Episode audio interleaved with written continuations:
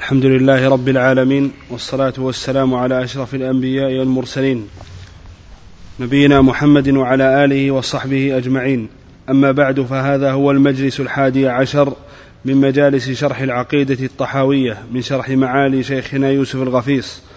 وينعقد هذا المجلس في الثاني والعشرين من شهر ربيع الثاني من عام اثنين وثلاثين وأربعمائة وألف في جامع عثمان بن عفان بحي الوادي في مدينة الرياض. قال الإمام أبو جعفر الطحاوي رحمه الله تعالى وأهل الكبائر من أمة محمد صلى الله عليه وعلى آله وسلم في النار لا يخلدون إذا ماتوا وهم موحدون. وإن لم يكونوا تائبين بعد أن لقوا الله عارفين مؤمنين. نعم الحمد لله والصلاة والسلام على عبده ورسوله نبينا محمد وآله وأصحابه أجمعين. قال الإمام أبو جعفر الطحاوي رحمه الله تعالى وأهل الكبائر من أمة محمد صلى الله عليه وسلم لا يخلدون في النار.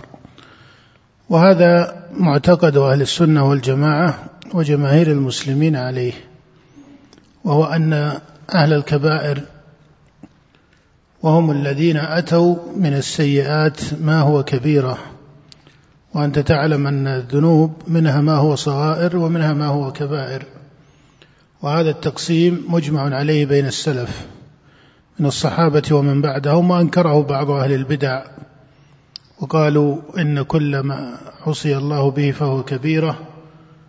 وقاله بعض أهل السلوك وقالوا إن الذنوب باعتبار معصية لا تكون كبيرة. وهذا كله لا وجه له. فإن الله سبحانه وتعالى ذكر ذلك في كتابه تسمية الذنوب صغيرة وكبيرة. وقالوا يا ويلنا ما لهذا الكتاب لا يغادر صغيرة ولا كبيرة إلا أحصاها وجدوا ما عملوا حاضرا ولا يظلم ربك أحدا. فالذنوب منها الصغير ومنها الكبير. وقال النبي صلى الله عليه وسلم اجتنبوا السبع الموبقات. وقال عليه الصلاة والسلام ألا أنبئكم بأكبر الكبائر فالذنوب منها الكبير ومنها الصغير. وإن كان حق الله جل وعلا ومقامه سبحانه وتعالى ألا يعصى لا بصغير ولا بكبير. فهذا صحيح هذا صحيح. لكن الذنوب على هذين الوجهين والكبائر من الإثم وهي الموبقات. وهي ما توعد عليه بعذاب من عذاب الله أو بلعن وعقاب من عقابه أو نفي الإيمان عن صاحبه هذا هو حد الكبيرة. والصحيح أنه لا عدد لها من جهة الحصر. وقال بعض أهل العلم إنها سبع. والصحيح أن الكبيرة كل ذنب توعد عليه بلعن أو غضب أو نار أو نفي إيمان ونحو ذلك. وما دون هذه الكبائر فهي الصغائر. وعن هذا قال النبي صلى الله عليه وسلم كما في الصحيح الصلوات الخمس والجمعة إلى الجمعة ورمضان إلى رمضان كفارة لما بينهن إذا اجتنبت الكبائر. هذا بيان أن الذنوب منها كبائر ومنها صغائر.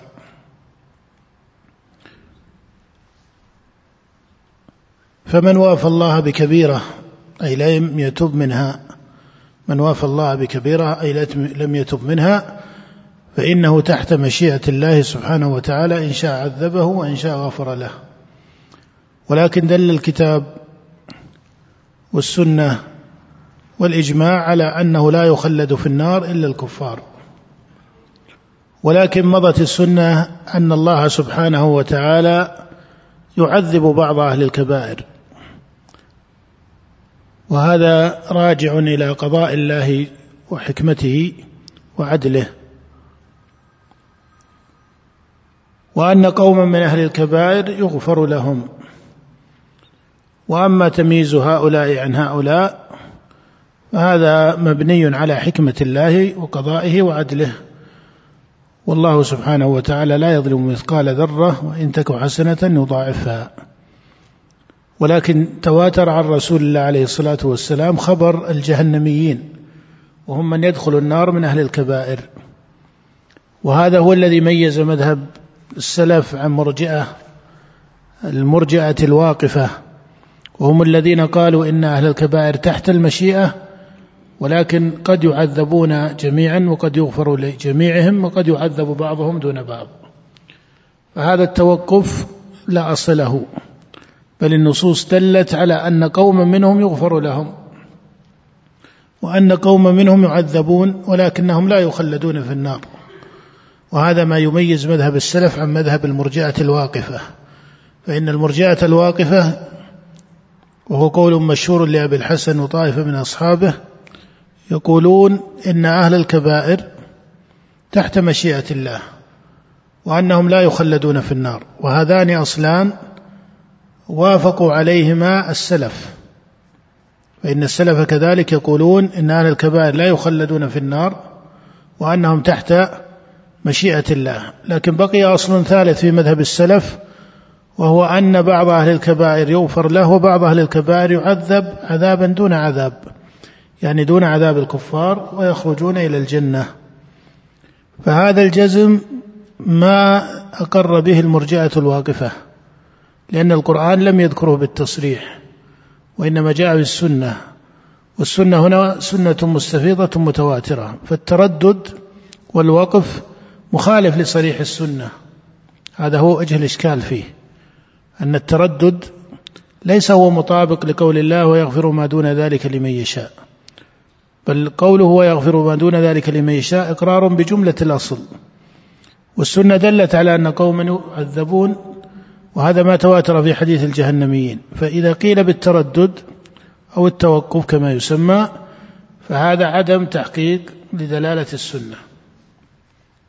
فمذهب السلف يقوم على هذه الأصول الثلاثة. أنهم تحت مشيئة الله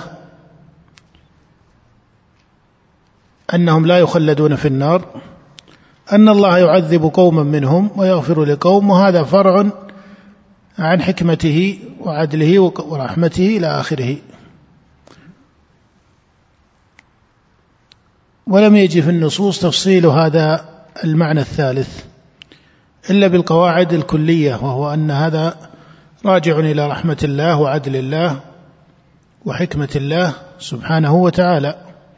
وأما تفصيل ذلك بما ذكره بعض أهل العلم كأبي محمد بن حزم بالموازنة بين الحسنات والسيئات ورجحه ابن القيم رحمه الله في كتابه طريق الهجرتين وانتصر له انتصارا بعيدا واسعا وقال إن هذا هو مذهب السلف وأن كثيرا من الناس لا يعرفونه وإنما يعرفون مذهب المرجئة. إلى آخره فهذا ليس على وجه مناسب. ما ذكره العلامة ابن القيم رحمه الله على فضله وجلالة علمه إلا أنه ليس في محله في مثل هذه المسألة لأن هذه مسألة أصل ليست من مسائل الفقه والاجتهاد. وأهل الكبائر في القرآن ذكر أمرهم مجملا لم يذكر مفصلا. المذهب الذي قاله ابن القيم هنا وهو في حقيقته منقول. نقله ابن القيم عن أبي محمد بن حزم رحمه الله. غاية هذا المذهب أن أهل الكبائر ينقسمون إلى ثلاثة أقسام. قوم تساوت حسناتهم مع سيئاتهم وقوم زادت حسناتهم على سيئاتهم بواحدة وقوم زادت سيئاتهم على حسناتهم بواحدة. قالوا فمن زادت حسناته على سيئاته بواحدة فهذا لا يعذب بل يغفر له. وإن كان قالوا مقامه في الجنة ليس كمقام من لم يات بكبيرة. قالوا ومن زادت سيئاته على حسناته بواحدة فهذا يعذب في الجنة ونزلوا أحاديث الجهنميين على هؤلاء. قالوا ومن تساوت حسنته مع سيئاته فهؤلاء يحبسون عن الجنة يحبسون عن الجنة لا يدخلونها ولكنهم لا تمسهم النار لا يدخلون النار بل يحبسون عن الجنة ما شاء الله ثم يدخلونها. قالوا وهم أهل الأعراف. المذكورون في قول الله تعالى وبينهما حجاب وعلى الأعراف رجال يعرفون كلا بسيماهم ونادوا أصحاب الجنة عن سلام عليكم لم يدخلوها وهم يطمعون. فهذا هو المذهب الذي نصره ابن القيم وقال إنه هو مذهب الصحابة والتابعين. قال ابن القيم رحمه الله في طريق الهجرتين قال هذا مذهب الصحابة والتابعين. وهذا ليس كذلك. هذا ليس كذلك. بل هذا قول طائفة هذا التفصيل حقيقته قول طائفة من المنتسبين إلى السنة والجماعة من الظاهرية والحنابلة وغيرهم. وليس هو قول الأئمة ولم يؤثر عن إمام من المتقدمين أنه جزم به. وهو مبني على مقدمات وأدلة في غير محلها في الجملة. فإنهم استدلوا على هذا التقسيم بمثل قول الله تعالى فمن ثقلت موازينه فأولئك هم المفلحون ومن خفت موازينه فأولئك الذين خسروا أنفسهم في جهنم خالدون. وما جاء في سورة القارعة وسورة الأعراف. وهذا الذي ورد في هذه السور الثلاث في الأعراف والمؤمنون والقارعة هذا المفاضلة بين الإيمان والكفر. من ثقلت موازينهم أي بالإيمان ومن خفت موازينهم بالشرك والكفر ليست في المؤمنين ليست في أصحاب الإسلام أصلا. ما جاء في سورة الأعراف وما جاء في سورة المؤمنون في مثل قول الله سبحانه وتعالى فمن ثقلت موازينه فأولئك الذين خسروا أنفسهم في جهنم خالدون. وما جاء في سورة القارعة كل هذا في الإيمان والكفر. والآيات صريحة إذا قرأت الآيات وجدتها صريحة في هذا. انظر مثلا في سورة المؤمنون قال الله تعالى فمن ثقلت موازينه فأولئك هم المفلحون ومن خفت موازينه فأولئك الذين خسروا أنفسهم في جهنم خالدون تلفح وجوههم النار وهم فيها كالحون. ألم تكن آياتي تتلى عليكم فكنتم بها تكذبون؟ قالوا ربنا غلبت علينا شقوتنا وكنا قوما ضالين. ربنا أخرجنا منها فإن عدنا فإنا ظالمون. قال اخسأوا فيها ولا تكلمون. فهذا صريح أنهم كانوا قوما أنهم كانوا مكذبين. أنهم كانوا مكذبين. فإذا الموازنة المفصلة في القرآن هي في الإيمان والكفر. الموازنة ذكرت في القرآن على وجهين موازنة مجملة وموازنة مفصلة. المجملة في قول الله تعالى ونضع الموازين القسط ليوم القيامة. فلا تظلم نفس شيئا وإن كان مثقال حبة من خردل أتينا بها وكفى بنا حاسبين. الموازنة المجملة عامة. الموازنة المفصلة كما في سورة الأعراف والمؤمنون هذه بين الإيمان والكفر. هذه بين الإيمان والكفر وليست في أصحاب الكبائر. كما يقوله ابن حزم وابن القيم من زادت سيئاته واحدة أو حسناته واحدة. هذا من جهة إسقاط هذا الدليل الذي استند إليه ابن حزم وابن القيم في هذا التقسيم. الوجه الثاني أن ما ذكروه في من تساوت حسناتهم مع سيئاتهم قالوا يحبسون عن الجنة. هذا قول لا دليل عليه. بل هذا من غيب الله الذي لا يعلمه إلا الله. ولم يدل دليل على أن من تساوت سيئاتهم مع حسناتهم لم يأتي دليل على أنهم يحبسون. بل هذه المقدمة في أصلها مقدمة عقلية ليست مقدمة شرعية محققة الثبوت. ما معنى أنها مقدمة عقلية؟ فرض تساوي الحسنات والسيئات هذا تقسيم عقلي. لكن من حيث الوقوع شرعا هل يقع هذا أو لا يقع؟ ما ندري. لأن بعض أهل العلم والمتكلمين يقولون إن تساوي الحسنات مع السيئات في المسلمين غير وارد أصلا لأن حسنة الإيمان والتوحيد لا يعدلها شيء. فالتقسيم من أصله تقسيم عقلي ترى. تقسيم من أصله تقسيم عقلي. ما يكون مطبق على التحقيق إلا إذا فرض في المسلمين والكفار. وحتى الذي في المسلمين والكفار ليس لهم حسنة عن الكفار يأتون بها. إنما خفت موازينهم أي لا يوافون ربهم بحسنة. والمؤمنون ثقلت موازينهم لأن حسنات المؤمن مقبولة عند الله. ولهذا الكافر لما خفت موازينه ليس لكونه قليل الحسنات بل لا يوافي ربه بحسنة أصلا. كما قال النبي صلى الله عليه وسلم إن الله لا يظلم مؤمنا حسنة يعطى بها في الدنيا ويجزى بها في الآخرة وأما الكافر فيطعم بحسنات ما عمل بها لله في الدنيا حتى إذا أفضى إلى الآخرة لم تكن له حسنة يجزى بها. فخفت موازين الكفار لأنه لا حسنة لهم عند الله. بل ما يأتونه من الخير في الدنيا كالصدقات وإطعام الطعام وما إلى ذلك من أوجه الخير من عدل الله أنهم يثابون عليه في الدنيا. وهذا معنى قول النبي إن الله لا يظلم مؤمنا حسنة يعطى بها في الدنيا ويجزى بها في الآخرة وأما الكافر فيطعم بحسنات ما عمل بها لله في الدنيا.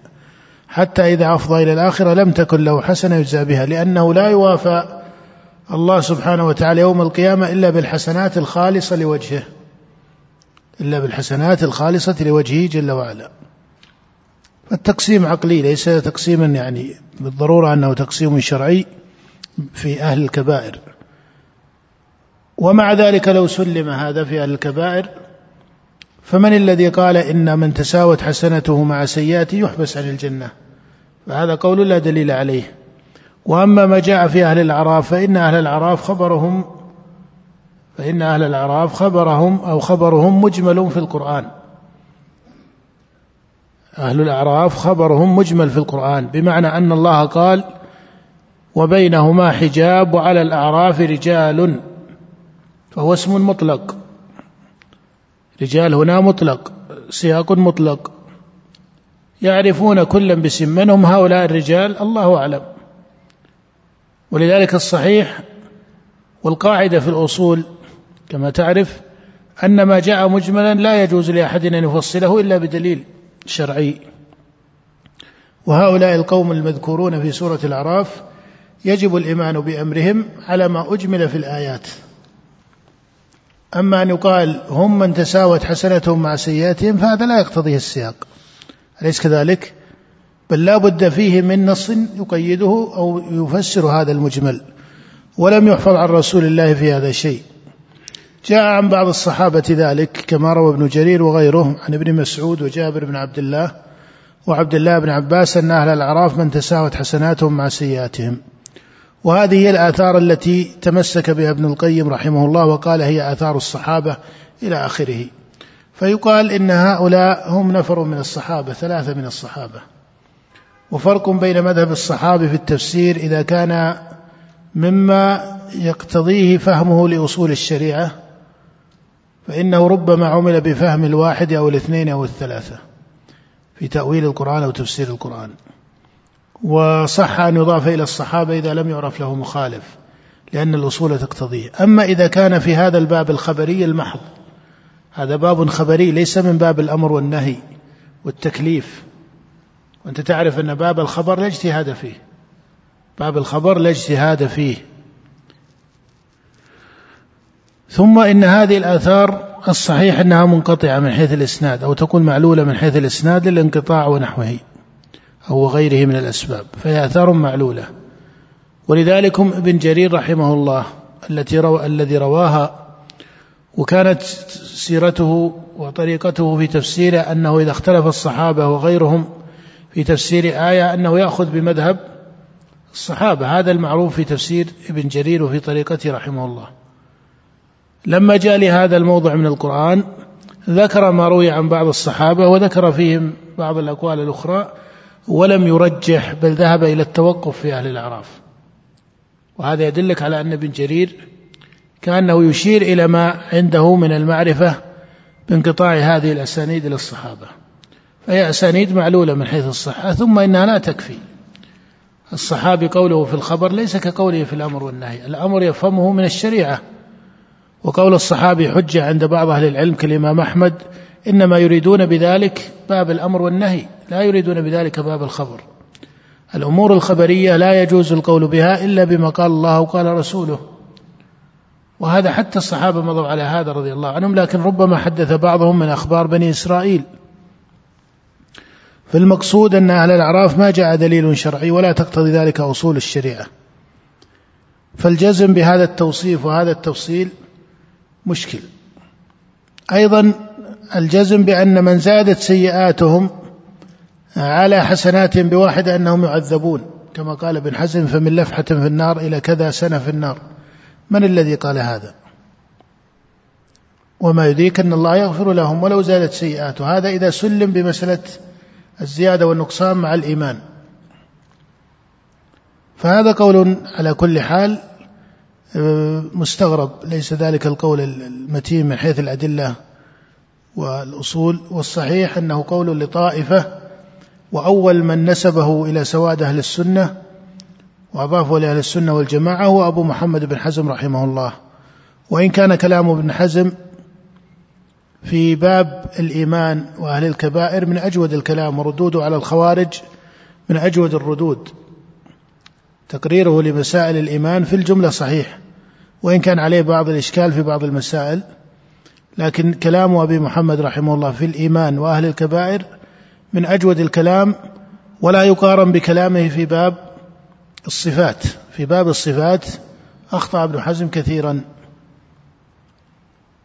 أخطأ في أصل الباب. لكن في باب الإيمان وأهل الكبائر أصول المسائل الكبار حققها تحقيقا مناسبا. لكنه زاد في هذه المسألة هذه الزيادة وقال هذا مذهب السنة. جاء ابن القيم وانتصر له بطريقته رحمه الله. وقال هذا مذهب الصحابة والتابعين وهذا ليس بصحيح ليس مذهب للصحابة والتابعين محفوظا عنهم. ولم يذكر ذلك إمام من المتقدمين بمثل هذا التفصيل. والصحيح أن أصول السلف رحمهم الله في هذا ثلاثة. الإيمان أنهم تحت مشيئة الله وهذا دل عليه الكتاب والسنة والإجماع ومنه قوله تعالى وإن الله لا يغفر أن يشرك به ويغفر ما دون ذلك لمن يشاء. الأصل الثاني أنه لا يخلد في النار لا يخلدون في النار. أنهم لا يخلدون في النار. وهذا أصل كذلك دل عليه الكتاب والسنة والإجماع. الأصل الثالث أن قوما منهم يعذبون وقوما يغفر لهم. ومرد ذلك إلى إيش؟ هنا طريقتان. إما أن نقول مرد ذلك إلى عدل الله ورحمته وحكمته. هذه ثلاثة أصول. عدله ورحمته وحكمته. أو نقول بإيش؟ بالطريقة التي ذكرها ابن حزم بن القيم والصحيح الأول وهو مذهب الأئمة أنه لا يفصل هذا بل يجمل ويدرأ عنه الشبهة في الخطأ بقولنا ومرد ذلك إلى عدل الله ورحمته وحكمته. نعم. وهم في مشيئته وحكمه إن شاء غفر لهم وعفى عنهم بفضله كما ذكر عز وجل في كتابه ويغفر ما دون ذلك لمن يشاء وإن شاء عذبهم في النار نعم بعدله. هذا كلام صحيح ولكنه مجمل كما أشرنا أن الأصل الثالث من أصول السلف هو الذي يميز المسألة لتواتر الأحاديث بذلك. نعم. ثم يخرجهم منها برحمته وشفاعة الشافعين من أهل طاعته ثم يبعثهم إلى جنته. وذلك بأن الله ثم تعالى يخرجهم منها برحمته. أي من دخل النار من الكبائر فإنهم يخرجون برحمة الله وعفوه عما بقي من كبائرهم. وبشفاعة الشافعين وأعظمهم شفاعة محمد عليه الصلاة والسلام. أعظمهم شفاعة الأنبياء والرسل وأعظم الأنبياء والرسل نبينا محمد صلى الله عليه وسلم. نعم. وذلك بأن الله تعالى تولى أهل معرفته ولم يجعلهم في الدارين كأهل نكرته الذين خابوا من هدايته ولم ينالوا من ولايته. اللهم يا ولي الإسلام وأهله ثبتنا على الإسلام حتى نلقاك به. ونرى الصلاة خلف كل بر وفاجر من أهل القبلة. وعلى من مات منهم ولا ننزل أحدا منهم جنة ولا نارا. نعم ونرى الصلاة على كل خلف كل بر وفاجر من أهل القبلة. والصلاة عليه أي أن المسلم تصح الصلاة خلفه. وكذلك كل مسلم فإنه يصلى عليه ولا يجوز التفتيش عن حاله. ولا يجوز التفتيش عن حاله وأعماله. فما دام أنه مسلم فإن الصلاة عليه حق له. إذا توفي ولا يجوز التفتيش عن حاله. نعم. ولا نشهد عليهم بكفر ولا بشرك. نعم يعني لا ينزل منزلة من جنة أو نار بل يرجى للمحسن ويخاف على المسيء أي أنه لا يجوز الشهادة بالجنة للمسلم إلا من شهد له النبي عليه الصلاة والسلام. وهذا مجمع عليه في الجملة بين السلف وإن كان بعضهم كيحيى بن معين قال نعلم أنهم في الجنة. يعني أبا بكر وعمر وأمثالهم ممن سماهم النبي. قال نعلم أنهم في الجنة ولا نقول نشهد.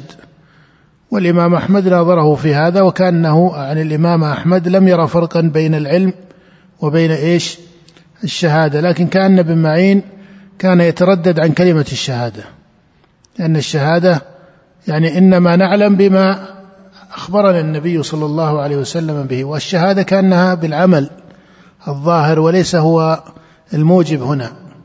فعلى كل حال هذا كأنه قد يكون لفظيا إنما المعنى مستقر أن من سماه النبي صلى الله عليه وسلم فإنه يسمى بذلك وما عداه لا يجوز ذلك. في مذهب جماهير أئمة السلف. قال بعضهم قال بعضهم إن من استفاض استفاضة مضطردة بالثناء والإمامة والديانة ونحو ذلك يشهد له. وهذا مذهب لم يعرف عن أحد من الصحابة وإنما قاله بعض العلماء بعدهم وهو ليس بمذهب صحيح. بل الجزم إنما هو مقصور على من بين أمره رسول الله عليه الصلاة والسلام ومن زاد أو وما زاد على ذلك فإنه يرجى للمحسن ويخاف على المسيء. نعم. وبالمقابل لا يجوز الشهادة لفاسق بالنار ما دام أن أصل الإسلام معه. لا يجوز الحكم عليه بعذاب الله ولا يجوز الحكم عليه بأنه من أهل النار أو أو تناله النار ما دام أنه من أهل الإسلام في أصله. نعم. ولا نشهد عليهم بكفر ولا بشرك ولا بنفاق ما لم يظهر منهم شيء من ذلك ونذروا سرائرهم إلى الله تعالى. ولا نرى السيف على أحد من أمة محمد صلى الله عليه وسلم إلا من وجب عليه السيف. ولا نرى نعم كيف على هذا كيف على قوله رحمه الله ولا نرى السيف إلى آخره. هذه مسائل متسلسلة مع بعضها. نبقى في درس الأصول الآن.